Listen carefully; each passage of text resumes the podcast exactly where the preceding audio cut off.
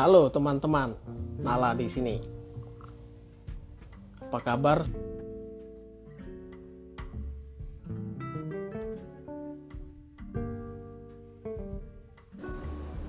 Lia di sini. Halo Mbak Lia. Hai, Nala, apa kabar? Baik ya ampun, kita ketemunya begini.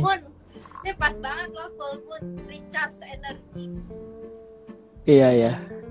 Lo apa kabar? Gue spesial dandan buat lo. Wih, super kece abis. Gak deh. Buat mau live aja masa gue kayak bobo ntar kayak pembantu. Udah sama rumah. Bobo rumah tangga biasa. Ya. Tuh katanya gak ada suaranya. Ada Gimana? suaranya? Aku Suaraku kedengeran gak? Kedengeran, kedengeran. Oke. Bagus. Itu tadi no sound katanya. Iya. Halo teman-teman. Mana kamu di mana sekarang? Aku itu di pedalaman Sulawesi. Astaga, Suruh aku namanya. ini, ya Allah. Ah. Wartawan kita. Berapa tahun berapa ya dulu Nawa ya? Ah, kita itu ketemu 2007 kalau nggak salah ya. Kamu itu narasumberku 2006 ya. Narasumber langgananku kalau pergantian tahun Ya betul sekali. untuk meramal tahun depannya seperti apa, misalnya bisnis, karir gitu ya?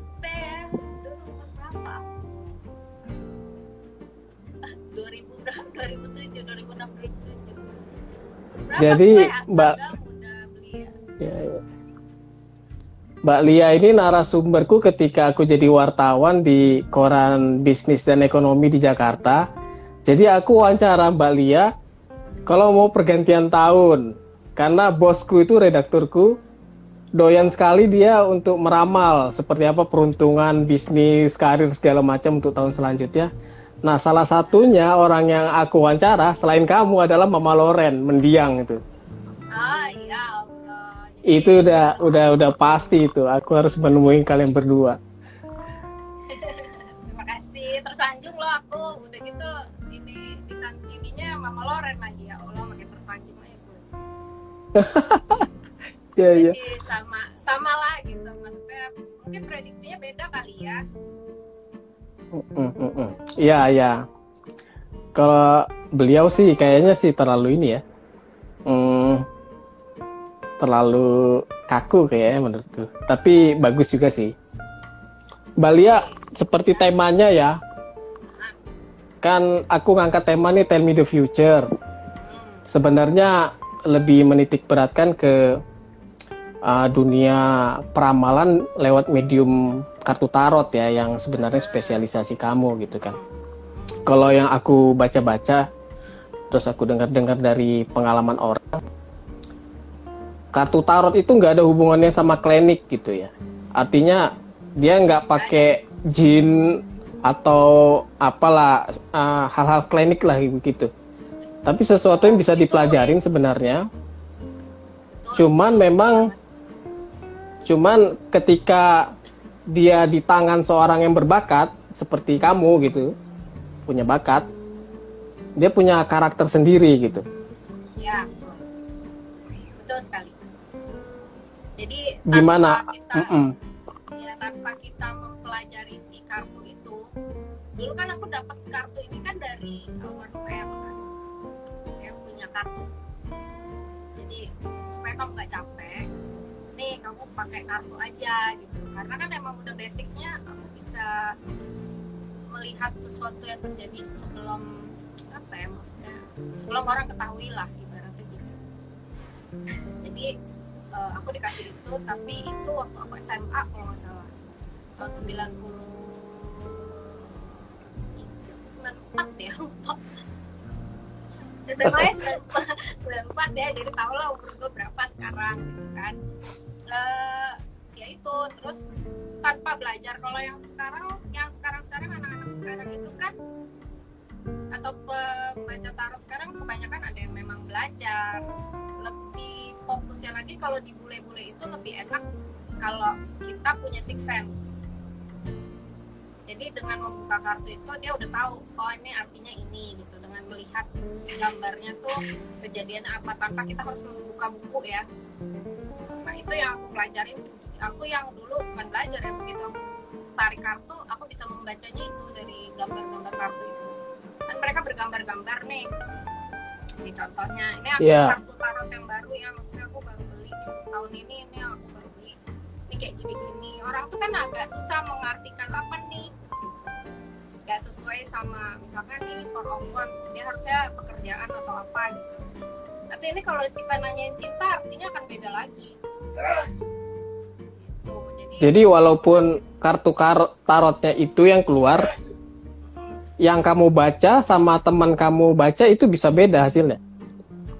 eh, tergantung ya tergantung kita me- apa namanya me- menjabarkannya seperti apa maksudnya teman aku yang tarot reader juga atau gimana Iya, sesama tarot reader. Oh, juga berbeda. Tergantung ini kita meng- mengkreasikan kata-katanya seperti apa gitu. Kalau aku kan orangnya oh ini bakal begini begini gitu kan. Tapi sebelum baca kartunya begitu melihat orangnya misalnya melihat kamu nih oh Nala ini apa ya? misalnya gitu. Gak akan dibaca di sini. Oh iya, aku baca bagus. Ngeblok ya, ngeblok kamu. apa namanya eh, itu akan berbeda juga sih sebetulnya kalau sama orang. Tapi kan kalau aku memang ngebacanya tuh balik lagi dari muka dulu baru kita lihat dari tebaran kartu terus yang diambil sama Nala tuh apa? Itu kan di alam bawah sadar kita ngambil kartu kita ngambil klien kan? Saya Nala gitu. tapi kalau sekarang nih zamannya covid begini aku terima kliennya eh, online. Jadi video call. Ya. Terus nanti eh, aku kocok kartu shuffle kartunya terus aku bagi tiga dia disuruh milih kartu pertama kedua ketiga jadi Itu nggak nggak ada bedanya ya, lu ketemu klien langsung sama virtual begini untuk meramal. enggak lah kan kan udah ngeliat video call jadi lebih enak kan kalau video call gue udah langsung ngeliat orangnya gitu kan langsung oh nih Oh. gini gini gini ya gitu kan Jadi jadi aura orang itu nggak mesti ketemu ya, bisa dirasain ya, bisa ditangkap ya. Ya. Oh, Oke. Mbak Lia, sebelum lebih jauh soal medium kartu tarot yang lu pilih sebagai medium peram- meramal ya, lu mungkin bisa cerita uh, bagaimana sih awalnya lu bisa menyadari bahwa lu itu punya bakat gitu. Soal Kalau profil lu dulu nih. menyadari- oh gitu jadi Ceritanya gimana sih dulu itu? kalau sadarnya sih sebetulnya emang udah sadarnya udah lama kan udah tahu bahwa emang bisa membaca sesuatu maksudnya bukan membaca ya tapi kayak merasakan melihat sesuatu yang eh, mungkin ada beberapa orang yang nggak bisa melihat juga gitu itu pertama. Kedua aku tersadarnya jadi seorang eh, tarot reader itu gara-gara gue dulu kerja di Great River kan. Tau kan kantor di Kuningan ada kantor namanya Great River Gedung. Iya iya. aku dulu kerja di situ kan. Terus aku ya berbekal dengan kartu pemberian nenekku ini aku tuh suka ngeramalin orang-orang di kantor gitu ngebacain oh ini begini kamu nanti percintaannya begini." ya pokoknya gitulah gitu Nah, dulu kartu tarot di tahun 2000 awal tuh belum terlalu booming kayak sekarang kan dulu tuh masih Mama Loren lah masih sedikit masih sedikit nggak terlalu Iya. banyak kayak sekarang gitu nah eh, dari situ terus tiba-tiba temen aku nih temen sat, eh, apa semen jajaran aku ngedaftarin aku ke majalah Cosmopolitan Mm, mm, interview as pembaca tarot kan? Dari situlah aku yang lah kok gini? Akhirnya aku tuh memutuskan untuk ya udah deh gue keluar dari kerjaan aja. Keluarlah gue dari kerjaan gue dan gue jadi gini dan tersadarnya oh ini ya jalan hidup gue ya udah dan akhirnya nggak kerja uh, 8 to 5 lagi udah freelance ya udah bekerja untuk diri sendiri. Penghasilannya kala itu dulu gaji di Great River tuh aku cuma 1,2 kan di tahun 2000 itu 1,2 Ah. juta. Tapi penghasilan gue sebulan di tahun itu 5 juta per bulan. Dari ngeramal. Nggak mau ya. Triple triple ya. Eh, lebih lebih banyak gitu ya. Alhamdulillah gitu kan. Gitu. tapi kenapa sih lu pilih kartu tarot ya? Kan medium itu banyak ya untuk meramal. Ada orang bola kristal lah ada baca telapak tangan atau malah nggak pakai alat bantu gitu. Itu kenapa kamu pilih tarot? Apa sih kelebihan tarot ini? Kelebihan tarot itu kan sebetulnya karena ada gambarnya. Jadi klien pun bisa apa kla- klien-klien aku tuh bisa melihat gambarnya. Misalnya uh, two of cups kan gambar tentang relationship uh, hubungan lebih ke jenjang berikutnya yang kayak gitu. Orang tuh akan senang melihat gambar dibanding orang yang kalau bola kristal tuh hanya aku aja yang lihat vision gitu kan. Oke. aku sebetulnya bukan tarot reader sih cuman karena aku bisa membaca kartu tarot jadi lebih ke jadi bilangnya tarot reader tapi aku sebenarnya clairvoyant. Nah clairvoyant sendiri tuh ya orang menerawang melihat masa depan pas ke belakang saat ini. Nah itu yang aku aku memang aku tuh itu gitu. Tapi kalau tarot reader eh, tarotnya sendiri tuh media aja. Itu sih. Ya kalau dari kartunya ya itu karena orang lebih seneng melihat visual gambar Mm-mm. dibanding Oke. dengan bola kristal. Coba kalau Nala nih bola kristal. Nala ngeliat bola kristal tuh ada gambar nggak? Ada bayangan apa? Nggak pernah nggak? pernah yang ada, nggak bakal ada, kan? cuman cuman si peramalnya aja yang ngel- ngeliat gitu Jadi, Mm-mm. aku pernah dulu juga lagi ada event apa gitu ya pakai bola kristal aku punya bola kristal juga gitu. jadi yang di apa sih klien aku minta diramalin bola kristal oke pas aku baca oh ini orang perjalanannya naik turun kasihan banget ya percintaannya bakal kamu ini bakalan susah loh di percintaan apa segala macam gitu aku ngomong gitu tapi Nah, tapi eh, si orang itu gini nanya ke aku kan, kok aku nggak lihat gambar apa-apa sih? Kamu cuma ngarang-ngarang aja ya, gituin aku. Itu dulu masih, aku masih yang belum bisa menjawab kayak sekarang kan. Terus aku langsung diem. Itu gimana cara jelasinnya? Nanti aku dikira gila lagi. Itu pikiranku saat itu. Gitu. iya iya iya Adalah akhirnya media tak kartu tarot ya atau kalau telapak tangan kan cuma baca garis aja nih Gitu. jadi kalau baca garis ya paling percintaan kerjaan kehidupan anak udah yang aku lihat gitu doang. oh dia nggak banyak opsi ya kalau lewat telapak Ah. tangan itu ya nah hmm. banyak gitu ya banyak macamnya sih kalau ngeramal juga apalagi sekarang aku kayak nih pakai beginian itu apa singing bowl ya Ya, ini buat cleansing. Cleansing kalau misalkan rumah lo berasa aura negatifnya banyak banget, cleansing aja pakai itu.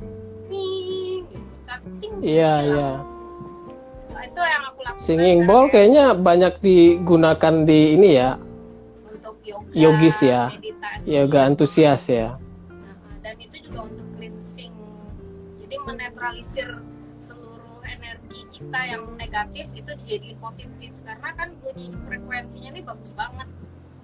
Ini apalagi kayak Hmm. sekarang nih full moon gitu kan. Ini betapa aja gue nih di balkon sini bunyiin singing bowl. oke menarik ya singing bowl itu Iya. itu bagian dari ini ya medium kamu untuk uh, treatment ke klien juga ya Iya. singing bowl itu ya Apalagi tergantung kebutuhannya ya tergantung ya selama ini sih alhamdulillah juga ada beberapa ada klien aku yang apa namanya eh, bipo- bipolar. Aku treatment Oke. pakai singing bowl juga alhamdulillah ada kemajuan bahwa si dia nggak perlu obat sekarang. Udah lebih oke lah. Ya baru treatmentnya udah setahun sih emang butuh waktu tapi sabar gitu harus harus continue dan kan kalau bipolar tuh harus minum obat seumur hidup kan biar nggak naik turun nah dia enggak udah enggak lagi Mbak Lia, hmm, orang Indonesia ini kan senang hal-hal yang mistis ya. ya Senang diiming-iming hal-hal yang berbau klinik gitu. Artinya dunia ramal-meramal di Indonesia ini hmm, banyak peminatnya ya. banyak banyak banget Menurut banyak lu banget kalau zaman sekarang banyak klien-klien yang lu handle itu banyak yang masuk akal nggak sih permintaannya? Atau malah yang aneh-aneh gitu minta diramal? Pernah nggak lu dapat klien tuh aneh-aneh gitu? oh pernah Misalnya yang gimana? Permintaan yang paling aneh yang lu pernah dapat? pernah tuh tahun berapa ya? 2006 kalau nggak salah. Aku ada event di Blok M Plaza. Eh Blok M Plaza ya Blok M Mall. Eh, terus aku didatengin seorang mbak-mbak gitu. Dia nyodorin aku bedak. Mbak tolong didoain dong gimana supaya saya laku jualannya. Jualannya. Aku bingung kan mbak saya bukan dukun gitu kan. Bilang gitu saya bukan dukun mbak terus ngapain sih? Saya cuma pembaca kartu tarot. Mungkin kalau dukun mbak bisa minta sama orang lain. Kalau saya mesti doain bedaknya mbak supaya mbak laku. Saya nggak bisa. Yang ada mbak malah sadar nanti. Gituin. Jadi nggak lu layanin itu permintaan? enggak lah gue jawab gitu jawab ada apa adanya apa adanya. Emang gue nggak bisa lah kan lo kan dukun. Lo kalau minta bedak lo diri supaya lo laku ya jangan ke gue. Salah. Gue justru menetralisir orang supaya orang nggak menjadi begitu gitu loh. Menjadi laku jualan. Lucu kan? Iya iya. iya. Jadi dia seakan-akan nggak bisa eh, nggak bisa membedakan mana ah, ini skill gua dalam pemasaran gitu ya, yang harus gua asah atau gua memang butuh bantuan orang lain gitu. Oke, daripada gue tuh waktu itu waktu itu hampir gue jawab gini ya mungkin mbak operasi dulu kali makinya supaya laku gitu eh maaf ya ya, Kalau dari gue. Ah, ah. kalau dari empat tema ramal ya, orang kan biasanya ah, karir, nah bisnis, ah, keluarga dan jodoh atau percintaan. Yang paling banyak ini ah, request yang mana nih percintaan klienmu? Hmm, percintaan Oh, itu berarti yang muda-muda ya? iya oh yang muda yang tua yang sudah bersuami Oh, yang tua juga ya? Yang, yang udah berkeluarga masih ya? Iya, paling nanyanya suami saya selingkuh apa enggak gitu. Oke. Itu yang paling saya bukan susah jawab ya, cuman begitu kartunya keluar adalah misalnya kartu perselingkuhan. Tapi si ibu ini tuh udah tahu kalau suami selingkuh misalnya. Mm-mm. Terus dia, oh cocok nih mbak, cocok banget gitu kan. Terus, waduh, langsung. "Cocok Gimana bu maksudnya? Iya ini yang mbak kata, yang mbak bilang ini bener banget. Dia bilang gitu. Emang saya mendapati uh, suami saya itu selingkuh, bla bla bla segala macam kan. Saya solusinya mesti gimana ya mbak? Stop untuk uh, kepo gadget gadgetnya suami. Saya bilang gitu aja. Ibu kan pengen hidup tenang. Ibu emang mau pisah sama suaminya? Enggak. Ya udah kalau ibu nggak mau pisah, sekarang ini ibu mesti memperbaiki back lagi ke ibunya ada yang salah nggak di ibu kalau memang ibu tidak merasa ada yang salah berarti suami ibu yang brengsek saya bilangnya gitu aja tapi kalau saya tidak menganjurkan untuk seseorang itu berpisah saya selalu bilang gitu. karena di agama mana pun perpisahan itu tidak dis- disetujui Gitu. saya selalu bilangnya begitu ya jadi ya, itulah saya nggak pernah nyuruh Saranmu Saya- begitu ya? Eh, saya nggak pernah ya udah mendingan cerai aja jadi kayak manas-manasin gitu kan nggak pernah Iya, oh ya, saya nggak mau jadi kompor itu kan orang ketiga jadinya Iya. kan Iya, iya. Lagian untung saya apa gitu ya kalau kamu ngasih saran Iya. begitu kan? Taunya, eh taunya suami ibu itu selingkuhan gue gitu kan nggak mungkin ya gitu kan kecuali suaminya KDRT kali enggak sih tapi akhirnya si ibu itu juga menyadari bahwa dia ada satu ke- emang terlalu cuek sama si suaminya kayak gitu oh ya. Jadi dia menyadari. Jadi itu kayaknya dua bulan habis itu gone hilang orangnya. Jadi gitu klien-klien gue tuh udah selesai happy ending bye bye oh dia nggak ada kasih laporan ke lu ya? Eh gua selesai nih masalah gua happy ending gitu nggak? Nah, ada, Oh, ada oke, ada tipikalnya. yang gitu, Ada ya? ada, ada ada yang sampai sekarang juga masih ada. Masih ada kok yang sampai sekarang masih tiap tahun tiap bulan nanya itu masih ada gitu. Cuman beberapa tapi ada yang gone ya udah udah happy. Nanti kayak ada beberapa tahun yang eh tahun berapa? 2003 jadi klien aku. Tiba-tiba tahun sekarang kontak aku muncul lagi, lagi? Muncul lagi. Oh. ah, masih inget nggak sama aku? Aku kliennya yang mana ya? Emang kliennya lu doang gitu ya? Gitu. Aku yang mana sih yang mana sih orangnya? Gitu. Akhirnya dia ngasih foto oh iya iya baru ingat flashback lagi. Aku mesti flashback lagi ini kliennya yang mana ya? Gitu. Kan klien gue banyak ya. Ya dari 2000 tahun 2000 sampai sekarang udah 20 tahun. Kalau klien lu yang nanya peruntungan bisnisnya ada? Ada. Banyak. Itu Cerita dong yang bapak-bapak. lucu. nggak ada sih kalau itu nggak ada yang lucu. Yang lucu tuh ya nggak ada yang lucu ya? Nggak ada yang lucu. Yang lucu tuh di percintaan justru sama ya itu tadi salah persepsi tentang aku. Itu ibaratnya kayak dukun apa apa nyodorin bedak itu itu yang paling paling gue inget seumur hidup gue sampai sekarang ya itu doang. Itu doang. Kalau yang tapi cerita bisnis sih nggak ada yang lucu ya mereka ya gitu mau tahu bisnisnya gimana itu aja. Klien lu yang paling eh, berkesan ya karena lu merasa jadi orang yang helpful banget bagi dia. Hmm. Itu yang gimana ceritanya?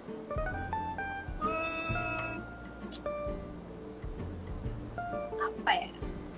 Yang mana ya? Ada sih barusan nongol orangnya. Gue enggak kan?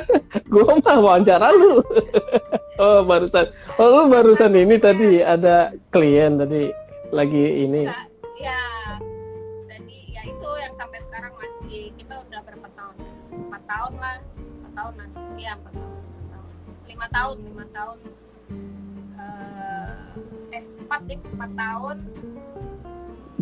Apa aku menjadi penasehatnya. Segala macam ya itu sih yang paling berkesan di aku. Sampai sekarang yang akhirnya bisa move on bisa uh, back to normal. Semuanya semuanya normal tuh ada. Nah, itu yang paling Ya. berkesan tuh dia banget. Ya. Sama-sama Yang lah, ak- maksudnya a- aku Ah. menolong dia menolong. Ya gitu maksudnya itu tuh saling Mutual ya? ibaratnya. Ah, mutual. Jadi nggak tiba-tiba nongol yang mbak masih inget enggak itu 2000 2003 wow udah berapa tahun. Itu Wah itu benar-benar udah pelanggan setia itu. Udah punya member card itu. Ada yang pelanggan setia lagi cowok bapak-bapak ah dia apa konsulnya biasanya paling Konsul ini pekerjaan. Pekerjaan eh, dulu dia kerja di kantor apa ya dulu di warung Boots itu kantornya Philip Philip eh Philip ya kalau nggak salah apa lah namanya. Ya tetrapek. Di warung bucik lah pokoknya tetrapek situ. Oke itu tuh. sampai sekarang dia masih jadi klien aku sampai dia punya bisnis kopi dia punya bisnis eh, apa apa eh yang ngajar jadi pengajar kopi juga gitu. Nah itu dari awal dia kantoran akhirnya gue yang mendingan bisnis aja deh pak gitu pak. Nah, mendingan lo bisnis aja. Soalnya kalau lihat kayak gini kan situasinya juga aku udah udah nggak bagus lah untuk kerja kantoran. Jadi saya lebih ke suggestnya dia untuk bisnis alhamdulillah ya bagus tuh. Dia bisa punya kelas kopi Hmm. dia punya warung Hmm. kopi dia punya kafe juga. Jadi ya alhamdulillah sih. Gak tau ya gue cuma ngeliat kenapa ya amazing banget sama berarti emang gue mungkin punya manfaat juga untuk orang-orang tertentu ya. Tapi yang lain yang udah ngelupain gue gue kagak tahu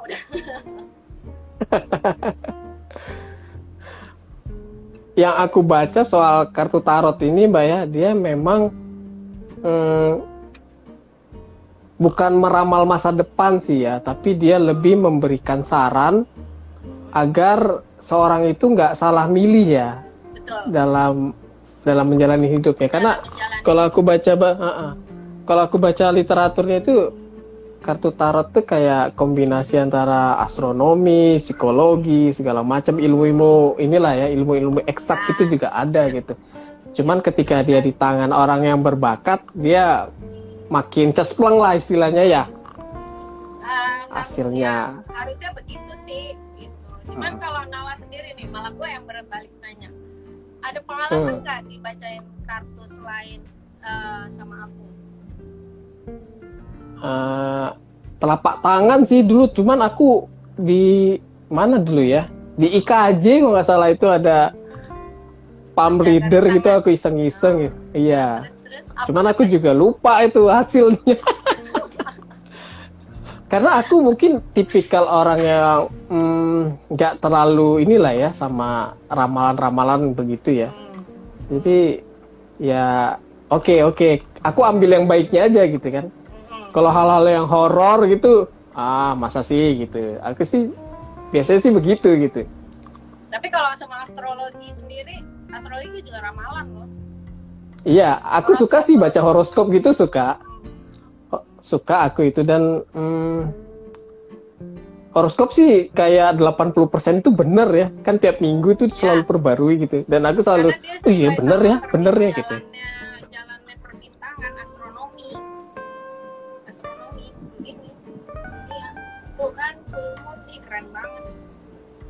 iya ya wah. Datang background gue Central malam. Park. Jumat full moon ini. Ini Central Park lu Anggrek lu di apartemen mana sih? Medit Tanjung Duren. Oh Mediterranean oke. Mm-mm. Jakarta Barat ya. Iya belum bisa beli yang itu Central Park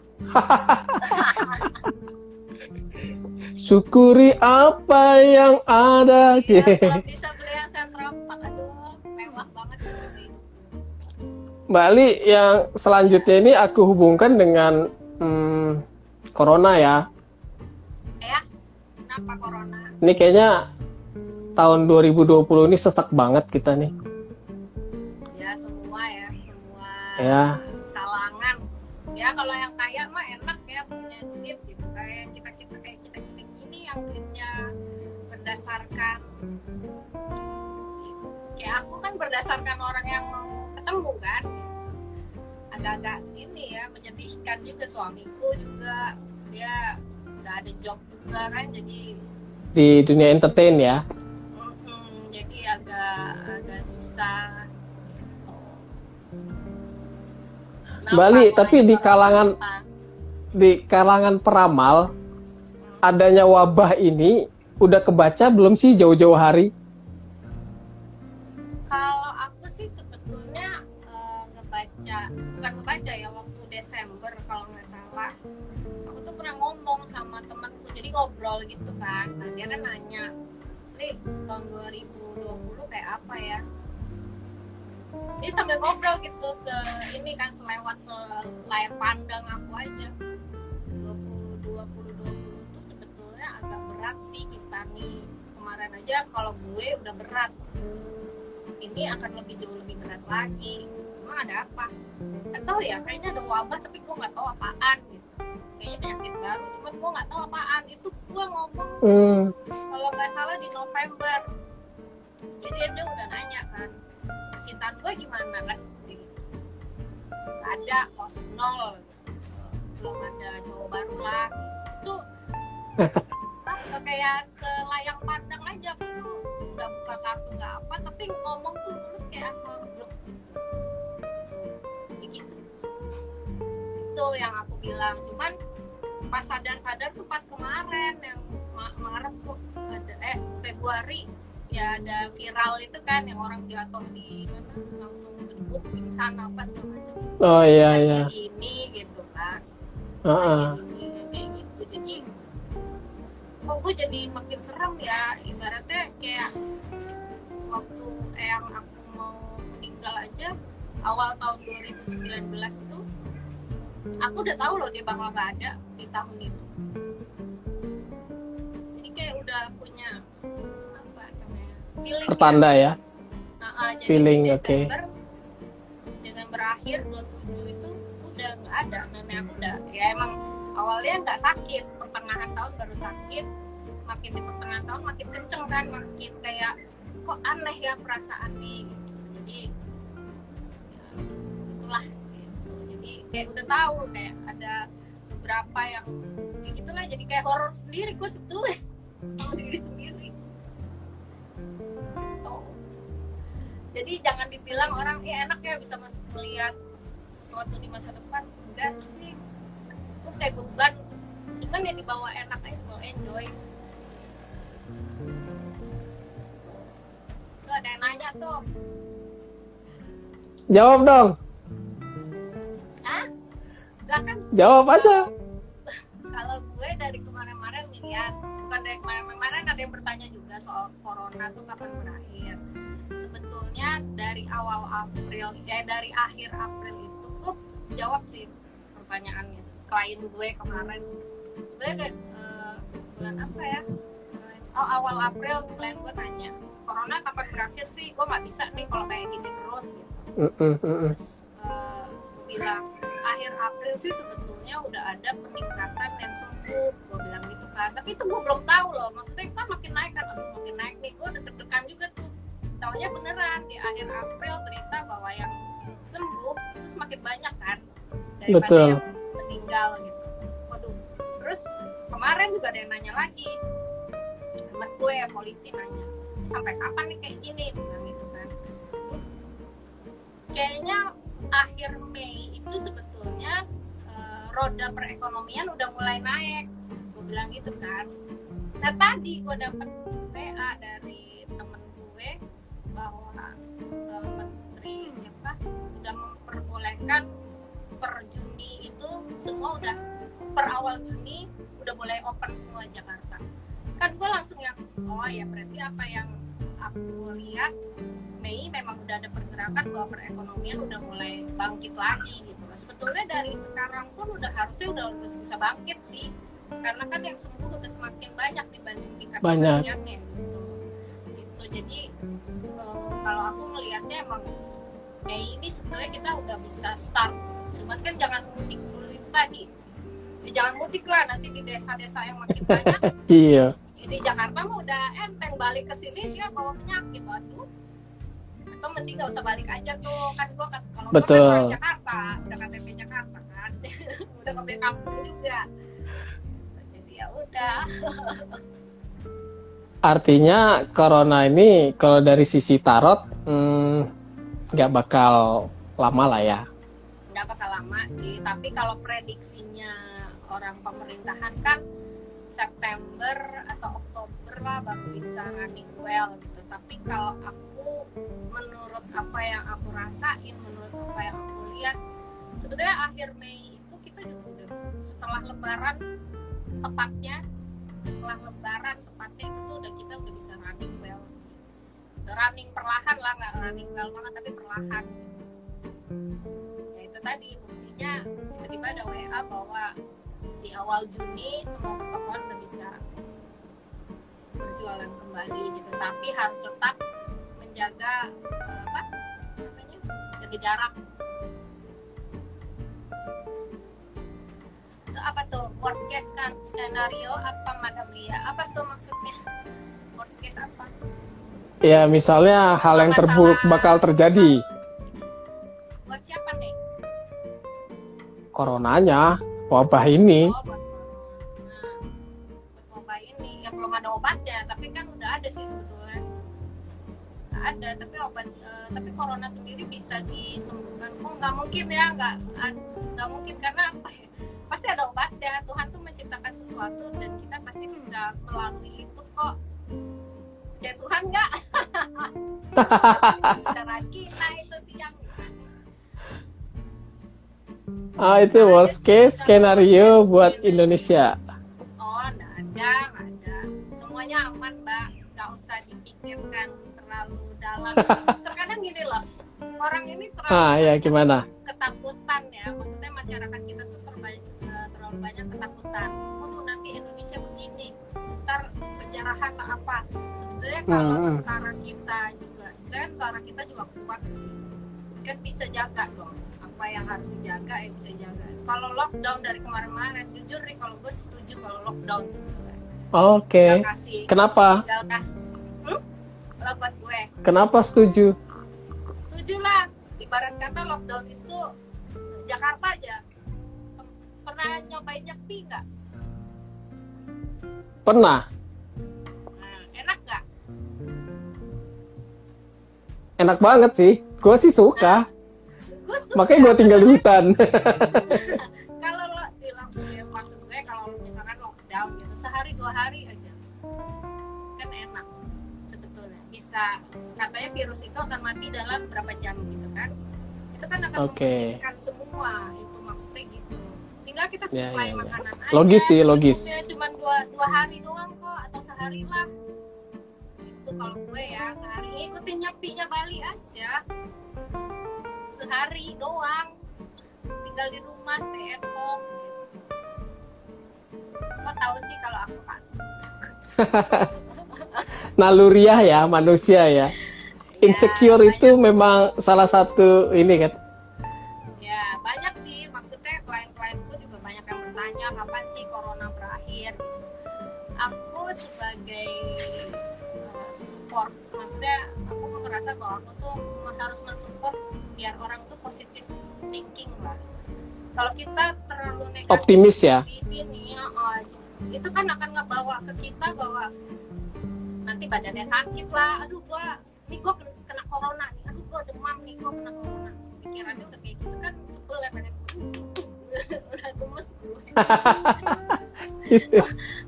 Iya kadang gua udah kalau misalnya ini tes aja. Ya alhamdulillah tes rapid tes gue negatif gitu kan. Oke. gue membawa diri gue sepositif mungkin. Itu supaya gue nggak sakit itu aja. Kalau kita positif kan kita jarang sakit. Itu kuncinya. Tetap positif dan optimis bahwa ya gimana ya kalau Tuhan kan kita nih manusia dikasih akal dan pikiran harus apa gitu ibaratnya Tuhan juga nggak akan membiarkan umatnya tuh mati kelaparan juga nggak mungkin kan? Kita kan punya apa ya positif aja jangan terlalu ketakutan gitu. Nala. Kecuali besok kiamat ya. eh kagak ada yang tahu. Ini lagi bahas-bahas. Aduh. Ki- kiamat Oke. Kalau buat gue sebetulnya kematian itu juga kiamat sih. Iya nggak? Kalau yang setahu Ya. aku ya yang diajarin sama keluargaku bahwa kiamat tuh kematian itu adalah kiamat kiamat kecil. Lah. kiamat apa? Bencana alam kecelakaan kecopetan perampokan. Itu kiamat kiamat kecil gempa Pokoknya yang sengsara dah ya. ya kiamat besar ya itu mah hanya mono yang tahu gue nggak bisa ngomong yang iya iya iya. bisa kalau itu ibaratnya kok ntar ada orang yang berpikir ini orang mendahului Tuhan ya ngomongnya gitu kan gak enak ya jadi kalau kiamat besar ya baca stensilan aja gitu Kestensi. Bali dulu kan suka terus suka dijual Kalau- bis bis kota itu Iya iya iya. kan suka ada jualan kan buku buku buku terus taunya tentang apa neraka dan surga lah apa gitu Ah, ah. itu pernah tuh beli kan harganya berapa seribu perak tuh tahun 80-an inget banget gue sama nenek gue naik bis beli isinya serem-serem ada yang ditusuk lah ada apa kan Iya. serem ya jadi pikiran tuh ih kayak gini neraka serem amat baca tarot gak? Ah itu Alhamdulillah, alhamdulillah sih belum pernah. ya. pernah. Oh pernah ya? Enggak sih? Maksudnya baca salah? Nggak. gimana? ya nggak tahu lu. Oh, kalau misalkan gini, kalau online terus orang itu nggak mau ngasih nama sama fotonya gitu, nggak ngeliatin ke aku. Oke. Aku kan nggak bisa tahu ini beneran orangnya apa enggak ya gitu. Hmm. Ya, nanti dia suka salah mbak. Oh ya udah, berarti kamu kayaknya tanggal lahirnya bukan sini ya. Ini tanggal lahir siapa? Aku tembak begitu. Ini eh, Oh, itu ngaruh ya? Pacar, pacar aku dia bilang ya iyalah pantesan gua salah gimana sih bacain males lah kayak ngetes ngetes orang aja Iya iya iya. pernah salah ya karena Udah di- dikasih salah salah. Lahir. Cluenya cluenya nggak bener ya. ya kalau cluenya nggak benar Ah. otomatis pasti ngebacainnya juga agak-agak nggak jelas. Nggak. Makanya langsung aku tembak kan sama si orangnya. Ini tanggal lahir siapa? Bener nggak tanggal lahirnya ini? Ternyata tanggal lahir pacarnya Tap- yang dikasih. Tapi kalau kartu tarot itu sendiri ada kadaluarsanya nggak sih? Dia dipakai hanya bisa setahun, dua tahun. Setelah itu harus kita ganti yang baru gitu. Oh, oh kalau kalau nggak sudah nggak tapi kalau aku karena aku orangnya seneng yang baru-baru kalau aku tiap tahun ganti tarot oke.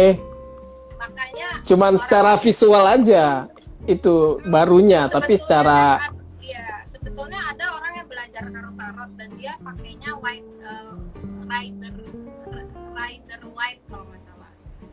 Nah rider white, itu pakemnya si tarot jadi memang dia harus petunjuk buku itu kan. Jadi gambarnya ini ini ini. Ketika aku punya kartu yang berbeda bukan white tarot itu itu gambarnya tuh beda banget. Jadi kalau lo ngebaca bukunya si white deck sama bukunya ini tuh beda artinya. Oh, wow. Terus Kenapa bisa begitu? nggak ngerti. Makanya gue yang kayak gini gue baca tarot tapi hanya bisa satu kartu tuh gimana coba? Kalau gue semua macam kartu gue baca. Kartu gue macam-macam. Gue gue punya 150 kartu tarot.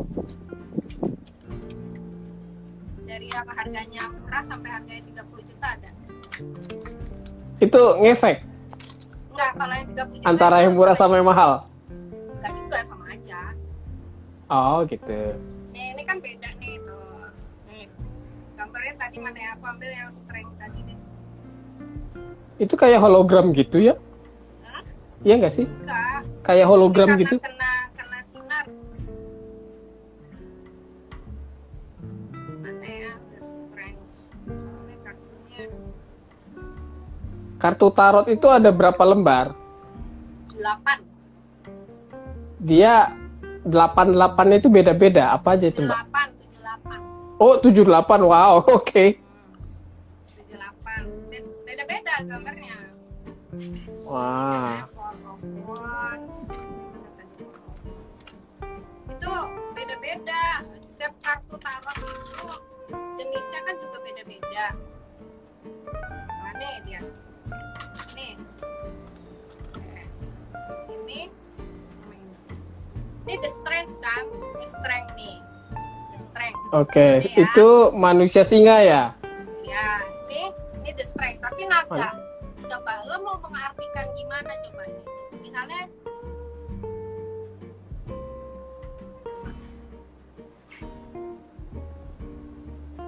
ini beda artinya Padahal itu menandakan bahwa keduanya strength. ya kekuatan bahwa orang yang Oke. ngambil kartu ini tuh punya kekuatan yang benar-benar dia tuh mau ditempa kayak apa pun juga dia akan kuat gitu loh bukan orang yang lemah Iya, iya, iya, iya, iya. nah kalau ini I see, I see. yang satu lagi nih ini gambar naga kayak berantem sama naga lo mau ngertiin apa Melawan naga ya itu gambarnya ya, orang melawan naga ya. kekuatan Iya, betul, betul. Dia seorang petarung ya. petarung betul sekali ah kamu Uh. Uh. Berikan kartu tarotmu kepadaku. Mana anjing? Kamu punya anjing? Iya, sorry ya.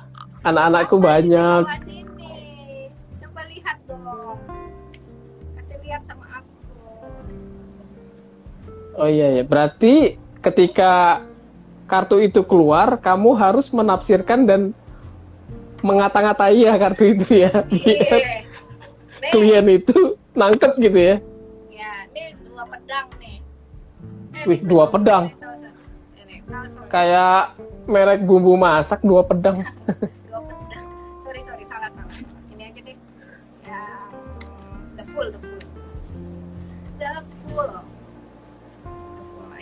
Oh iya, mana? Coba lihat. Aku mau baca, aku mau baca.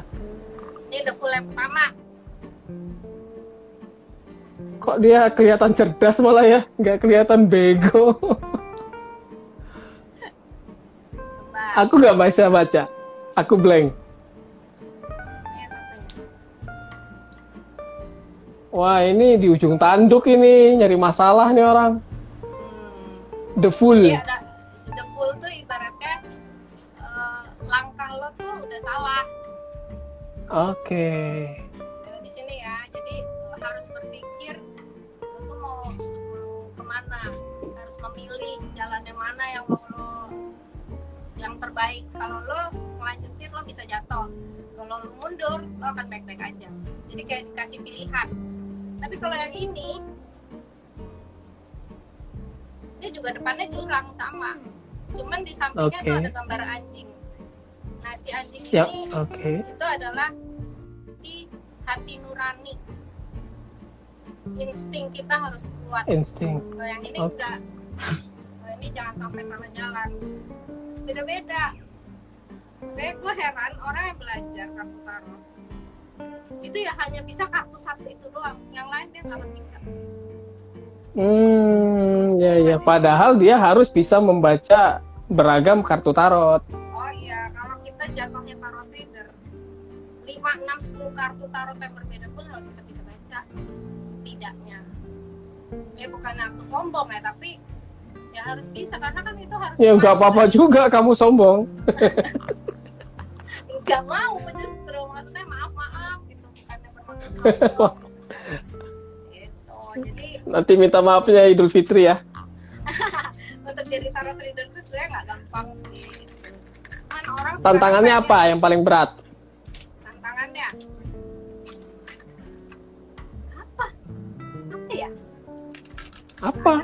kalau so gue dibawa enjoy soalnya. Oh iya, karena lu memang eh, berbakat, ada bakat di sana gitu. tahu ya. Iya tapi selama ini kalau tantangan dari kartu tarot ya itu mungkin untuk menjadi aku yang bisa melihat sesuatu itu sebenarnya nggak enak. Capek ya, katanya sih kalau ngeramal tuh badan lu sam- sampai pegel-pegel gitu, Lapar. sampai kehabisan energi gitu. Iya nggak sih? lapar bawaannya lapar tapi Oh, lapar. lapar tapi nggak gemuk-gemuk tuh gimana ya Wow, dia sampai memakan semua nutrisi dalam tubuhmu gitu ya?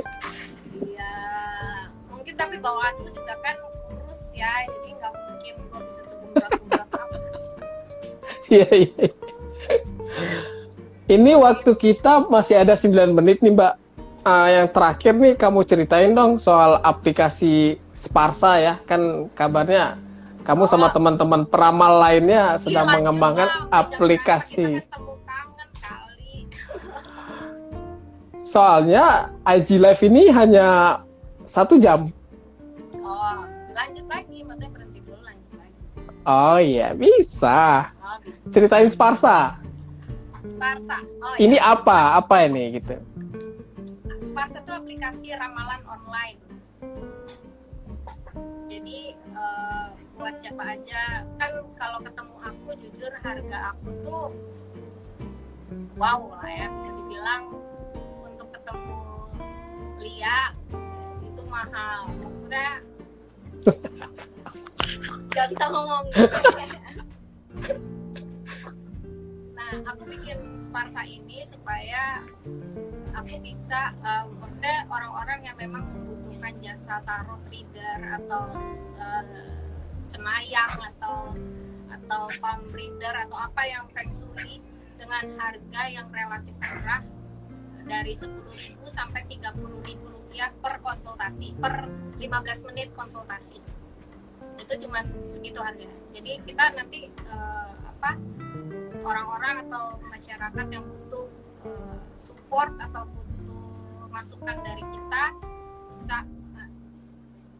uh, download aplikasi itu gitu. Aku bikin bikin itu untuk mempermudah orang-orang yang memang butuh solusi butuh apa ya namanya butuh support butuh energi positif dari kita atau minta bantuan kita untuk memberikan apa ya wejangan atau solusi itu sih sebetulnya halo juga halo juga tuh temen lo Nala ya Iya, ya. ini yang narsumku yang ngobat pertama ini.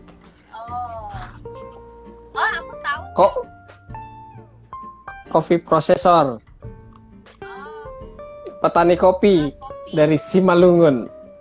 Wow, kopinya apa aja sih kalau? Ya itu sih Sparta itu kan untuk untuk orang-orang yang mem, uh, dananya juga minim, terus juga uh, orang yang malu untuk ketemu peramal itu aja. Dia sementara ada di Play Store ya, aplikasi ini ya? Ya masih ada di Android karena untuk bikin iOS-nya home banget dan apa apa ya ya mahal banget sih tapi nanti bisa dari iOS pun nanti bisa dari webnya bisa di dibuka web Sparsa ID Aku lihat di Sparsa ini ada beberapa peramal ya, dan dan banyak sekali kayaknya peramal di dalam itu. iya baru ada Itu memang lingkaran lingkaran teman-temanmu juga ya? semua, ya jadi aku juga ada yang misalkan baru itu juga kita interview dulu. Karena aku tidak mau mengambil orang yang uh, notabene hanya nggak punya six sense gitu. Jadi aku memang ngambilnya yang ada yang punya six sense. Jadi kalau nggak punya six sense nggak usah nggak usah daftar jadi anggota jadi tarot reader. Ya, apa kok gue sombong jadinya ya gue cuma pengen bahwa Sparta tuh bagus gitu di mata mata orang-orang bahwa oh iya ini benar-benar orang yang memiliki kelebihan itu aja sih. Jadi kayak ngumpulin orang-orang yang punya kelebihan aja. Karena di situ kan ada ahli feng shui. Ahli feng shui Oh. ini juga dia punya six sense. Oke. dia khusus feng shui. Jadi aku jadi kita tuh semua berbeda.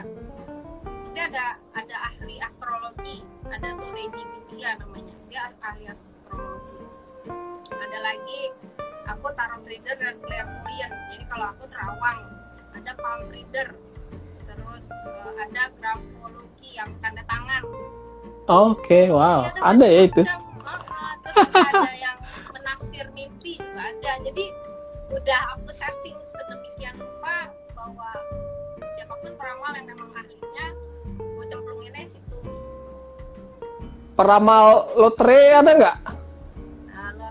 Ntar gue mimpi ntar gue kasih tahu Oke. dulu emak gue gitu itu itu peristiwa lucu tuh zaman SD jadi dulu zamannya SD SD udah habis ya waktunya Ini Masih gue ada. 4 menit. Nah, jadi zaman apa SD tuh SD SD sama Porkas kalau nggak salah kan.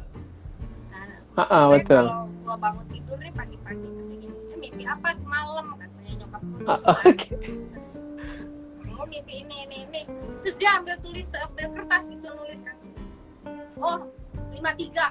Pasanglah dia tuh lari ke belakang. gitu Ah, ah. kan, pasang. Eh dapat loh. Eh, tuh dia dapat duit. Nyandu jadi. Pasang terus. Pasang terus. Jadi tiap bangun. Mimpi apa? Tajir dong. Lumayan buat jajan. Legal kok ya waktu itu ya. Seru ya itu dulu SD-SB ya. Ya. Tapi Forecast. gue gitu. Mimpi apa semalam? Terus dia bisa gitu mix-mixin antara mimpi gue Oh, tuh iya, dengan iya, iya. angka-angka itu tuh jago Iya, lah iya, gitu. iya. Dan akhirnya tiap minggu tuh pasti ada duit tiga ratus ribu, tiga ribu gitu. Kenapa nggak ambil yang banyak digit yang hadiahnya satu miliar? iya ya nggak tahu lah deh Dahsyat itu dulu. Ya tau gitu pas apa tulis empat itu. Padahal emak udah mau bikin nih empat angka. Iya, iya. takut dia takut duitnya kan gitu kan bayar kan. Bayar berapa sih dulu? Berapa ribu gitu? Enam ribu. Bapak berapa ribu ya? Enam ribuan lah. Ribu sampai sepuluh Sekali pasang, tergantung berapa nomor kayaknya. Iya, tapi tahun 80 90-an kan itu duit gede. Duit gede banget. Tahun 80-an lah. Itu. Iya, SD, Pak. banget Gede. kok gua kelas 5 SD, kelas 5 SD an. Iya tahun 80. Iya, gue masih TK itu nemanin kakek gue Oh, kakeknya juga pasang. pasang. pasang dong. Tapi seru ya zaman dulu. Kan legal, kan resmi kan diselenggarakan negara toh. Iya. Bukan kayak yang gua sekarang yang setiap gelap-gelap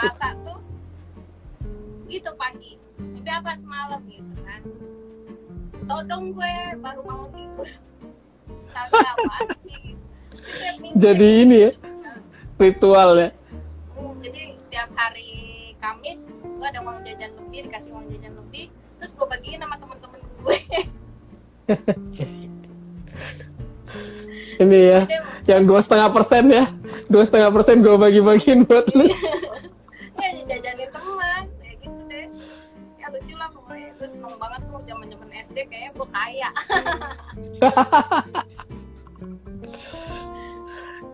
Mbak Lia, eh, Sparsa itu dia konsultasi 24 jam eh, real real time ya? kita real real time tapi Oh, gitu, oke. kan lagi masa trial ya jadi belum belum apa namanya belum live benar gitu loh karena ya kayak gini gue ke ke kantor belum bisa ke kantor kan mau nyelesain programnya juga orangnya masih pada di rumah semua sementara kita emang harus ketemu harus harus ketemu halo Papa Leo nih salah satu pembaca tarot juga tuh Papa Leo Wah, halo. Nah, Mas. juga, ya. Kita udah kena remaining ini. Oh, eh, back lagi. Countdown lagi, 10. apa gimana? Udah dulu ya. Oh, udahan.